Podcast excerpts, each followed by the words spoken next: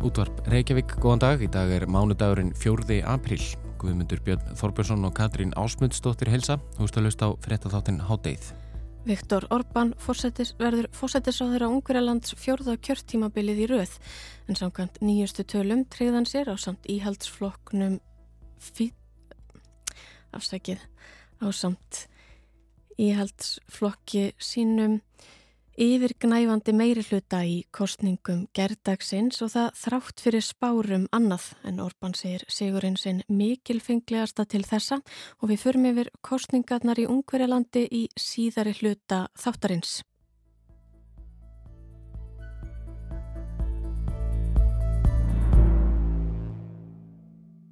En við byrjum hér heima. Á lögutaskvöldi var mikið um dýriðir þegar landsmenn fyldust með heimsins mikilvægasta kvöldi í betindi sjómasútsendingu á Rúf. Fjöldi listamanna kom fram og sjálfbóðilega í símaveri vann baki brotnu og allt var þetta fyrir góðan málstað en barnahjálp saminu þegar UNICEF stóð fyrir herrleg heitunum og hinga komin Birna Þórarinsdóttir Frankotistjóri UNICEF á Íslandi, velkomin Birna. Takk fyrir. Segð mér að sráði, hvað segna þið ákveða að fara í þessa söpnun og lögdægin og, og hvernig gekk hún? Já, svaruð því er einfalt. Það er bara þannig að, að heimurinn þarf á fleiri heimsfóröldurum að halda. Staðmannaðamála hefur aldrei verið verri í heiminum en núna og eftir faraldur COVID-19 að þá hefur staða batna í heiminum ekki verið verri síðan við lók setni heimstyrjaldar. Þannig að tilefni var ærið en það gekk líka vonum framar. Þetta var algjörlega stórkosleg kvöldstund og, og árangurinn eftir því. Var fólk þá að, að skrási sem heimsforeldrar eða var, voru þið líka að, að bara einfallega styrkja starfið? Það var, uh, það var bara allt saman. Fólk uh, var að skrási sem nýjir heimsforeldrar og rosalega margir hækkuði framlöksín. Það var líka stakir styrkir í neyðastarfið okkar vel á þriðju miljón sem kom því til viðbótar og við erum bara ennþá að, að að ná utanum árangurinn vegna þess að skráningarnar halda áfram að koma og við erum bara meir og, og þakklátt að horfa á, á þann góða árangur en líka það veit, veitir heldur ekki af. Einmitt. Eh, þú talar hérna um að já, staðabarna hafa ekki verið hafa ekki verið verið síðan við, við stríðslokk uh, þetta, þetta er aðalega COVID tengt. Já, um, á meðan um, við vorum að fókusera á áhrif uh, sjúkdómsins á fyrst og fremst fullari fólk mm -hmm. og uh, hagkerfi heimsins að þá var bara verið að uh, leggja framtíð heila kynsluðara veði og við tölum um það hjá UNICEF að börn séu falin fórnalömp þessa faraldurs Þegar vest létt þá voru skólalokanir sem hefðu áhrif á 1,5 miljard barna. Þetta er 1,5 miljardur barna sem ekki var í skóla á einhverjum tíma út á COVID. Og enn í dag, við teljum okkur vera búin með þetta í billi allavega, en enn í dag eru yfir 400 miljónum barna sem búa við skólaraskanir út af COVID. Og mentun er mannreittindi þeirra.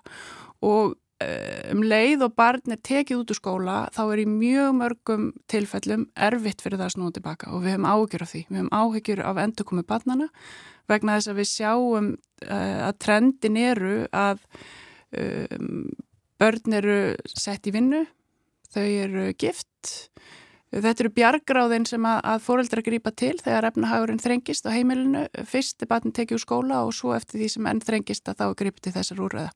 Þannig að verkefnið uh, framundan við að, að endur heimta þann árangur sem hafðist náð í, í réttundum badna og velferð þeirra, uh, sá árangur er í húfi og við gætum verið að horfa á áratuga afturför. Þetta er ekki, ekki góð tíðindi og svo er náttúrulega annað, uh, við erum uh, núna, það eru, það eru rúmur mánuður síðan að síðan að um, innrásin í Úgrænu hófst og, og við erum kannski ekki farin að sjá ennþá afleðingarnar af því fyrir börn eh, sem eru, já, hvort sem er á vergungi innan Úgrænu eða, eða þær miljónir flótamanna sem, sem þeir eru farin að streyma inn í nágrannríki Úgrænu eh, en, en það er náttúrulega ekki bara Úgræna, við höfum séð þetta gerast á síðustu árum í Afganistan, Sýrlandi og, og Jemen og, og staða barna þar er, er ennþá vantanlega mjög slæm. Hún er mjög slæm og útlitið fyrir árið er því miður uh, verra. Þannig að já, UNICEF barnahjálpin er að bregðast við vaksandi neyð á fjöldasvæða í heiminum eins og þú bentir á. Ef við tökum bara Jemen sem dæmi að þar eru sko um 11 miljónir barna sem þurfa mannuðaraðstóða halda á þessu ári og þar af eru rúmar 2 miljónir batna undir 5 ára aldri sem eru að glýma við bráðavannaringu og á bara fyrstu tveimu mánuðum þessa árs það hafa minnst að kosti 47 börn láti lífið eða örkumlast í ára sem viðsvegarum í Jemen og þetta er, eru átök sem við erum ekki að fá fréttir af mm -hmm.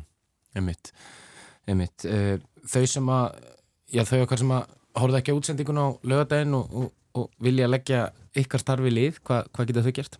Farið inn á unicef.is og skráð sér sem heimsórildri því heimurinn þarf á fleiri heimsórildrum að halda Einmitt.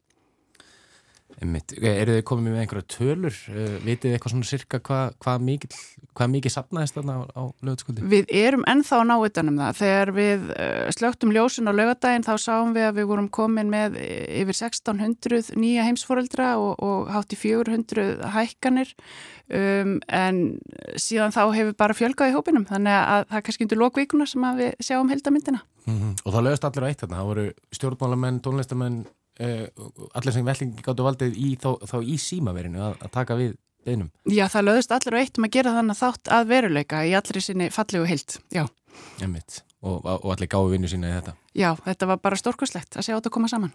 Einmitt, en eins og segir, betum á döðaskal og, og við kvötjum að sjálfsögða allar til þess að gerast uh, styrtar uh, heimsforeldrar og, og veita þessu uh, góða málefni lið. Kæra þakki fyrir komin í háttegið, Birna og gangi ykkur áfram vel. Takk fyrir. Hátegið snýr svo aftur uh, strax að loknum hátegisveitum. Þá ætlum við að breyða okkur til Ungverðlands en þar var Viktor Orbán að öllum líkindum að tryggja sér áframhaldandi setu á fórsetisráð þeirra stóli. Já, fjóruða uh, kjörtjöfumbili þá í röð og það með yfirgnæfandi meiri hluta atkvæða og kjörsókn hefur sjaldan verið meiri í Ungverðlandið og yfir 68% og Orban sagði þennan sigur emitt sinn mikilfenglegasta til þess að við ætlum að kanna af hverju það er í setni hlutanum. Nú þegar búið er að telja nær allt upp úr kössunum eða um 98% atkvæða verist flokkur Viktors Orbáns hafa fengið um 53% og stjórnarandstöðbandarlegið aðeins um 35%. Allt lítur því út fyrir að flokkur fósættisráður hafi tryggt sér tvo þriðju þingsæta eða um 130 sæti á móti 56 sætum stjórnarandstöðunar. Fósættisráðurann Sigurvissi hafði þó laungu áður líst yfir Sigri í kostningunum. Það ger hann um leið og fyrstu tölur lágu fyrir í gerðkvöldi sem síndu afgerandi fórustu flokks hans í haldsama hægri þjóðverðnisflokksins Fidesz. Nú hefst í fjórða kjörtímabil Viktors Orbán sem fórsættisráður að Ungverjaland svo fjögur ár bætast við hans fyrir tólf, já eða 16 ef kjörtímabilans 1998 til 2002 er tali með. Hann hefur því meir og minna verið við völd í landinu í áratvíi, setið í forsætisráðherra ennbætti í 16 af síðustu 32 árum og enn lengist valdatíðans. Forsætisráðherran sagði þó að þessi sigur væri líklega sá sætasti og mikil fenglegasti að þeim öllum. Þegar hann ávarpaði stöðningsfólk sitt á samkomi í höfuborginni Budapest í gerðkvöld og þakkaði því, vildi hann einnig koma þökkum á framfæri við heiminn allan. Mert az egész világ láthatta ma este itt Budapesten, Heimurinn allur hefði nú séð að í Budapest hefði Kristinn líðræðisli pólitík íhaldsum og þjóðrækin sigrað. Nú getur allir séð að slík pólitík heyrði ekki sögunni til, heldur bóðaði hún í raun framtíðina. Svona myndi sameinlega framtíð Evrópu í stjórnmálum líta út. En Hvað var svona sérstakt við þennan sigur? Jú, það má týna til eitt og annað sem gæti hafa ítt undir við þorf fósættisráðurans íhaldsama. Hann sagðist til dæmis aldrei áður hafa haft svo marga á móti sér, svo marga andstæðinga sem hann taldi svo upp. Skrifræðið í Brussel þar að segja Evrópusambandið, alþjóðlega fjölmila og svo Volodymyr Selenski fórsetta Úkrænu. Margir spáðu því að þetta erðu kostningarnar sem loksbyndu enda á valdatíð Orbáns meðal annars vegna harðrar samkeppni og baráttu stjórnarandstöðunar en flokkur ráþerans hefur löngum hagnast á einmenningskjördæmakerfinu í landinu. Í þetta sinn saminuðust allir stjórnarandstöðuflokkarnir sex í kostningabaráttunni.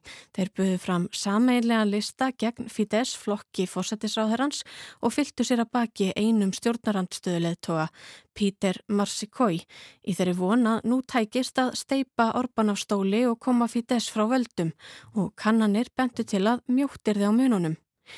Þar að ekki heldu ófáir að afstafa Orbáns til átakana í Úkrænu yrðunum að falli, myndu bytna á úrslitum kostningana. En Orbán sem sagður er náinn bandamaður Vladimírs Pútins rúslandsforsetta hefur verið tregur til að fordæma innrás rúsa í Úkrænu og þvert teki fyrir að senda vopni við landamærin til nágrannana í Úkrænu sem Selenski Úkrænufósetti hefur ósjaldan gaggrínt. Samstæðan við Úkrænu verist vera sterk í Ungverjalandi, sjálfbóðliðar hafa bóðið þúsundum og jafnvel tögum þúsunda Úkrænumanna á flókta undan stríðsátökunum húsaskjól og vend og úkrænskar mæður fóru í mótmælagöngu gegn innrásinni í höfuborginni á lögadaginn og gaggrindu veika og hikandi afstöðu Ungverjalands í stríðinu. Sumar báru skildi sem ástóð, Orban stöðvaðu morðin. En allt kom fyrir ekki, afstafa Viktors Orbáns til innrásarinnar verðist ekki hafa haft áhrif á kostningarnar og atkvæðagreiðsluna, að minnstakosti ekki svo um munaði. Aðspurðir sögust sömur kjósenda hafa mætt á kjörstað til að ákvarða framtíð heimalandsins en ekki til að greiða atkvæðum ástandi í Úkrænu. Þá segja aðrir að afstafa Orbáns til stríðsins hafi jafnvel unnið með honum. Hinn ráðsnjalli Orbán með alla sína pólitísku reynslu virðist hafa getað nýtt viðhorfsitt sér í hagi kostningunum. Hann lísti því að vera atkvæði til hans væri í raun atkvæði fyrir friði og hver vill ekki frið. Um leið gaf hann í skinn að atkvæði til andstæðinga hans væri atkvæði greitt stríði og átökum. Ummælið sín byggðan á yfirlýsingum Pítur Marksjói leðtoga stjórnarandstöðunar um að honum þætti að ungverja land ætti að sína Úkrænu stöðning í verki, svo sem með vopnasendingum yfir landamærin. Orban vildi heldur meina að það veri mikilvægt að ungverja land heldi sig utan við átök þessara tveggja stórþjóða eins og hann orðaði það, en það væri stríð og útkoma stríðs ávalt ófyrirsjáanlegt og hættulegt. Hogy ez egy nehéz és attól tartok elhúzódó háború. Þá ótaðist hann að stjórnarandstæðingar skildu ekki alvarleika málsins og væru á öndverðu meiði, vildu blanda sér og ungverjalandi í átökin með hörmulegum afleggingum fyrir ungverja. Það væri nokkuð sem yrði að koma í vegfyrir. Belevonnák Magyarországot ebbe a konfliktusba, ami szerintem tragikusan nem Magyarország számára, ezért is indultunk a választáson, hogy ezt megakadályozzuk. Friður, orka og orkuverð og efnahagslegur stöðuleiki væru undir í kostningunum. Ungveri landir háð Rúslandi um orku eins og fórsetin benti á. Tehát nem arról van szó, hogy majd fölvesztük a pulóvert este és egy kicsit lejjebb. Þetta snýst ekki um að við förum bara í peysu og hækkum aðeins hitan eins og sömur í vestrinu halda eða borgum aðeins meira fyrir bensín. Málið er að ef orkan kemur ekki frá Rúslandi þá er engin orka í Ungverjalandi. Þetta snýst um að efnahagskerfið virki eða virki ekki. Spurningin um frið eða stríð er grundvallar atriði fyrir framtíð Ungverjalands. Við verðum að koma í veg fyrir að Ungverjar dragist inn í átökin. Þetta er ekki okkar stríð, við getum ekki unniða en við getum hins vegar tapað öllu, saði fósættisráðherran. Við að, verðum að verja landu okkar, sína samstöðu og kjósa frið, bættan þá við. Kanski áhugaverð taktík hjá Orbán að mati margra sem almennt hefur verið að var herskári í orðræðu sinni og ummælum að minnstakosti á fríðartímum en verðist svo fylgjandi fríði á stríðstímum þó kannski á anganarlegan hátt sé. En aðferðin verðist að minnstakosti hafa fallið í kramið hjá kjósendum þó ekki andstæðingum fórsættisáherrans. Stjórnarandstæðingarnir segja að við ofurefli sé að etja og Stjórnarandstöðu leittógin saði kostningarnar hefði verið ósangjarnar. Hann vissi frá upphafi að á brattan væri að sækja í ljósi þess hvernig Orban og flokkur hans hefði heila þegi landsmenn eins og hann orðaði það. Fjölmilar sérilagi ríkisfjölmilar hefðu lítið sem ekkert fjallað um stjórnarandstöðuna og fórsetisráðurann ekkert gefið sig í kostningabaratuna. Orban hefur verið lít sínilegur í baróttunni fyrir utan fund á förstu daginn þar sem hann kvatti stuðningsmenn sína til að kjósa og myndið á á ósegur flokksins 2002 eftir fyrsta kjörtímabilans á valdastóli. Pítur Markisæ sagði að Orban væri heigull sem hefði kvorki þórað að mæta andstæðingum sínum í ofinberum kappræðum nýja almenningi. We are very sorry that Orban was too, well, not shy, probably but covered. Uh, he didn't want to have a public debate. Uh, he doesn't even appear. Hann hefði aðeins viljað hitta aðdándur sína og stöðningsfólk og þá á lokuðum viðbörðum. You see that this is a campaign event. We come here, we, I, I sh shake hands with people, you know, I talk to them, they can ask me questions.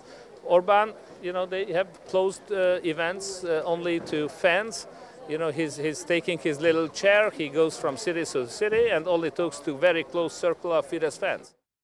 Orban skammaðist sín, saði leittói stjórnarandstöðunar og hann ætti að skammast sín. You know, the, the, he's ashamed. And, and he should be ashamed. Stjórnar andstaðan hefur gaggrínt framgöngu Orbáns og flokks hans í ýmsum mikilvægum málum, segir flokkin hafa einangrað ungverjaland frá Evrópu, frá líðræði, sangirtni og siðsemi, en til dæmis hafa afstæða hans í garð Evrópusambandsins og samskipti hann við stopp hans við stopnani sambandsins verið gaggrínd harðlega. Þar hefur Orban yðurlega íft fjadrinnar eins og hann gerði mitt í áðurnemndri siguræðu sinni þar sem hann kallaði bírókratana í Brussel andstæðinga sína. Evrópusambandi segir Orban hafa grafið undan líðræðslegum stopnunum Ungverjalands á valdatíðans. Eins er fórsættisráðherran sagður hafa nánast endur skrifa stjórnarskrá landsins á 12 ára embættistíðsinni og breytt kostningakerfinu. Þá hefur hann og stjórnans dreyið mjög úr frelsi fjölmila og domstóla og vegið harkalega að réttindum hins einn fólks. Samhliða kostningum gerdagsins greitu kjósendur atkvæði um löggjöf sem koma á í veg fyrir að umfjöllunum málefni samkynneira verði aðgengileg ungmennum undir 18 ára aldri. Einhverjir hafa svo vilja meina að Sigur Orbáns hafi verið ítla fengin og mótframbjóðendur saga fósættisáðuranum kostningasvík sem hann neytar alfarið.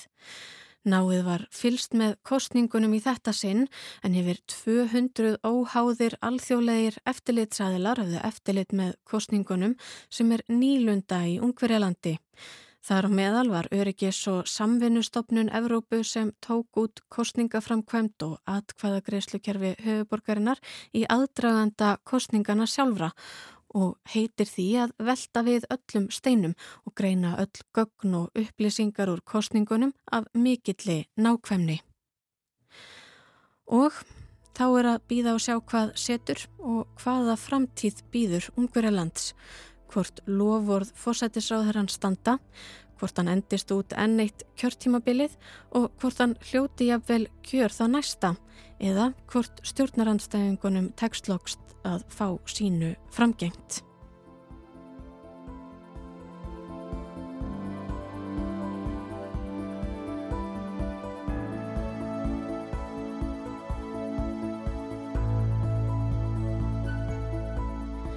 En háttegið er þá á enda í dag. Við verðum hér aftur á sama tíma á morgun. Þátturinn og allir hinnir eru einna aðgengilegir í spilaranum og hlaðvarpsveitum og alltaf er hægt að senda okkur post með ábendingum á netfangið hádegið hjá rúf.is. Verið sæl.